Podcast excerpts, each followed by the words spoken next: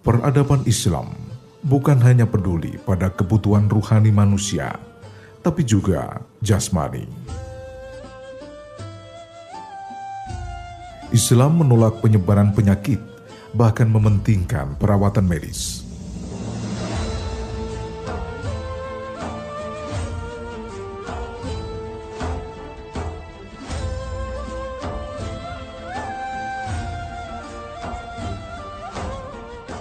Sistem kesehatan dalam peradaban Islam terbangun di atas pondasi yang kuat berdasarkan petunjuk kenabian, sehingga dunia mengambil manfaat peradaban Islam dengan berdirinya rumah sakit dan sekolah medis, serta dokter-dokter lulusannya.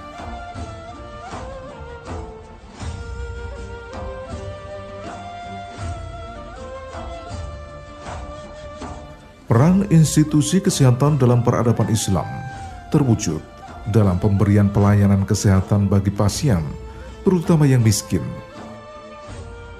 Rumah sakit tidak hanya menyediakan layanan pengobatan pasien yang menjalani rawat inap, tapi juga melayani pengobatan pasien yang dirawat di rumah.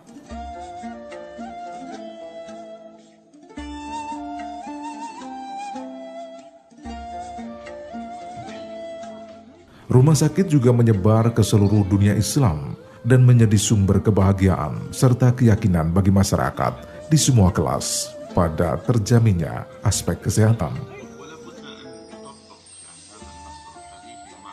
Pasien mendapatkan pengobatan, perawatan, pakaian, dan makanan. Selain itu, banyak rumah sakit yang berfungsi sebagai pusat pendidikan kedokteran di samping fungsi dasar merawat pasien dan memastikan kenyamanan mereka.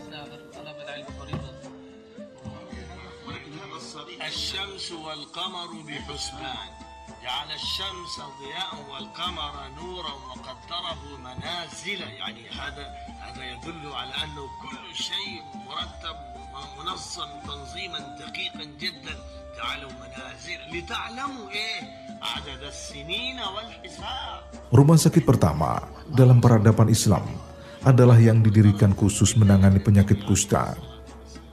Dibangun oleh Khalifah Umayyah Al-Walid bin Abdul Malik yang memerintah pada tahun 705 hingga 715 Masehi. Setelah itu beberapa rumah sakit didirikan di negara Islam. Sedangkan rumah sakit pertama di Eropa dibangun di Paris lebih dari 900 tahun kemudian.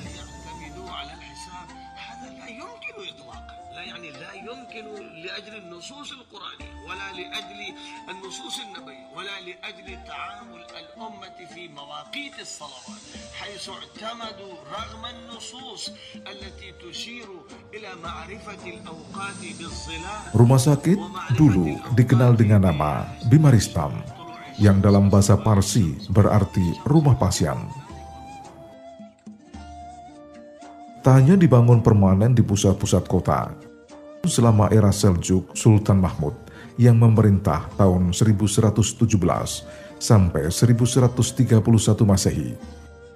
Terdapat rumah sakit keliling berupa konvoi sejumlah besar unta yang dilengkapi dengan alat terapi dan obat-obatan bersama sejumlah tenaga medis.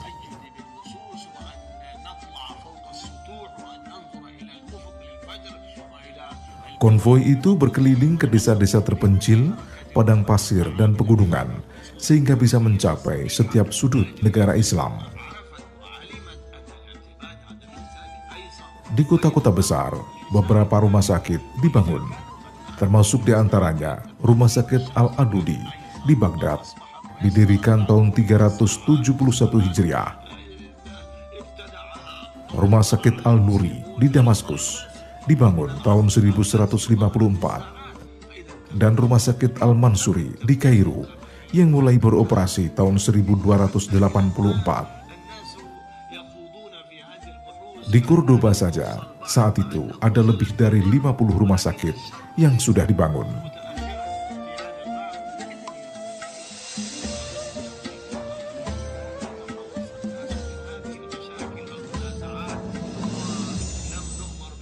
Beberapa rumah sakit yang sangat terkenal dan bahkan menjadi bagian sejarah dunia kesehatan adalah Rumah Sakit Al-Adudi.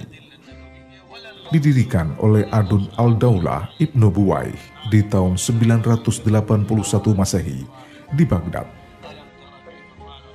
24 dokter bekerja di rumah sakit pada awal didirikan dan jumlahnya terus bertambah setiap tahun.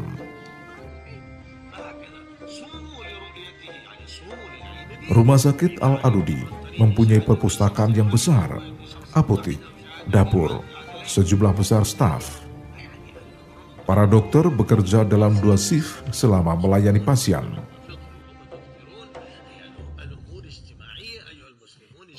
Rumah Sakit Al-Nuri didirikan oleh Sultan Al-Adil Nur Al-Din Mahmud tahun 1154. Rumah sakit itu menjadi salah satu yang terbesar dan beroperasi dalam waktu sangat lama. Para sejarawan Islam mencatat, Rumah Sakit Al-Nuri, Damaskus, terus menerima pasien sampai tahun 1899 atau hampir 800 tahun. Rumah Sakit Al-Mansuri dibangun tahun 1284 oleh Raja Al-Mansur Saif al-Din Khwalun di Kairo. Selama ratusan tahun, Rumah Sakit Al-Mansuri terkenal mempunyai kualitas akurasi, organisasi, dan kebersihannya. Selain itu juga mampu menampung lebih dari 4.000 pasien setiap hari.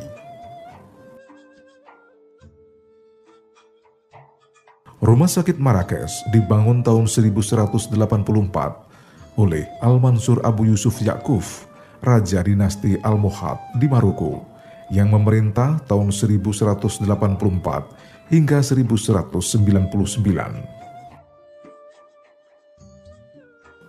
Rumah sakit Marrakesh memadukan antara keunggulan kualitas dan keindahan. Semua jenis pohon dan tanaman ada di rumah sakit bahkan mempunyai empat danau buatan. Rumah sakit itu sangat maju dalam hal kemampuan medis, obat modern, dan para dokternya dikenal sangat terampil.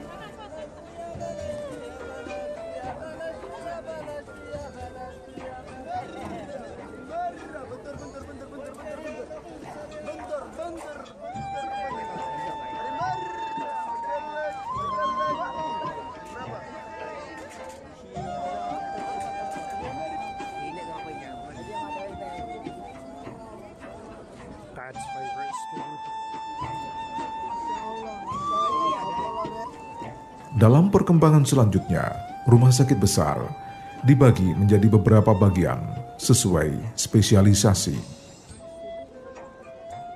Ada bagian penyakit perut, operasi, dermatologi, oftalmologi, penyakit psikologis, tulang dan patah tulang, serta penyakit lainnya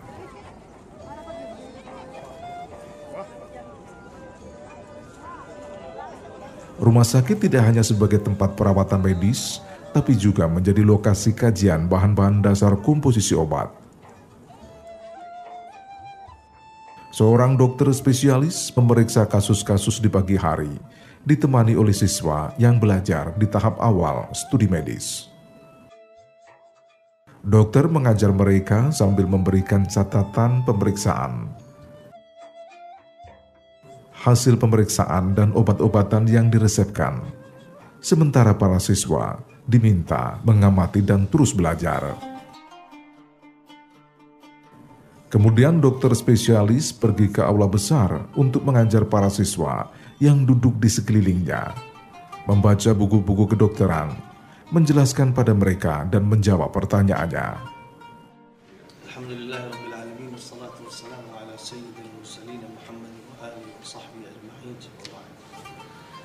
قال تبارك وتعالى والذي جعل الشمس ضياء والقمر نورا وقدره منازل لتعلموا عدد السنين والحساب Materi pada sesi pelajaran tertentu kemudian menjadi bahan tes di akhir setiap masa pendidikan.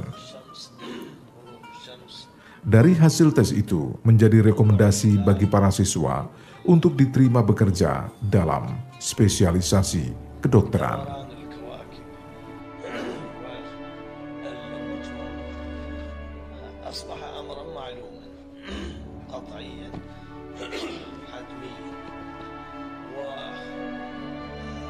والله تبارك وتعالى أرشدنا إلى الحساب القمر للحساب والشمس Rumah Sakit Islam selalu mempunyai perpustakaan lengkap berisi ribuan buku farmakologi, anatomi, fisiologi, dan ilmu-ilmu kesehatan lainnya. Perpustakaan Rumah Sakit Ibnu Tulun di Kairo misalnya mempunyai koleksi lebih dari 100 ribu buku. Selain perpustakaan, area peternakan dan pertanian juga didirikan di dekat rumah sakit untuk memasok kebutuhan bahan dasar obat-obatan rumah sakit seperti tanaman obat dan rempah-rempah.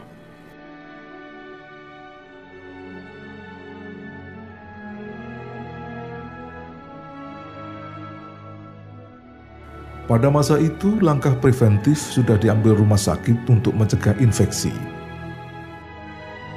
Pasien diminta menyerahkan pakaiannya sebelum masuk rumah sakit, lalu diganti pakaian baru, dan semua itu diberikan gratis. Setelah itu, setiap pasien masuk bangsal khusus sesuai penyakitnya. Dia sama sekali tidak diizinkan memasuki bangsa lain untuk mencegah infeksi pada pasien lainnya. Jika dibandingkan antara rumah sakit Islam pada abad ke-8 atau 9 Masehi dengan rumah sakit yang didirikan di Paris beberapa ratus tahun kemudian, ditemukan fakta pasien rumah sakit di Paris dipaksa tinggal di satu lingkungan terlepas dari sifat penyakitnya. Kadang tiga, empat, bahkan lima pasien terpaksa tidur di satu tempat tidur, sehingga lazim pasien penyakit cacar tidur di samping pasien patah tulang atau di samping perempuan yang baru melahirkan. Jenazah pasien juga dipindahkan di luar bangsal 24 jam setelah kematian mereka. Padahal hal itu membahayakan pasien lainnya.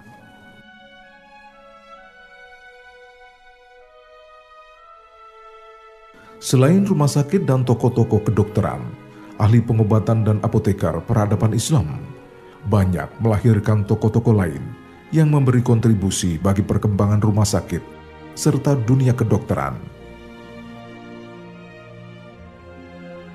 Jejak kontribusi mereka masih ada, bahkan dirasakan manfaatnya oleh umat manusia sampai hari ini.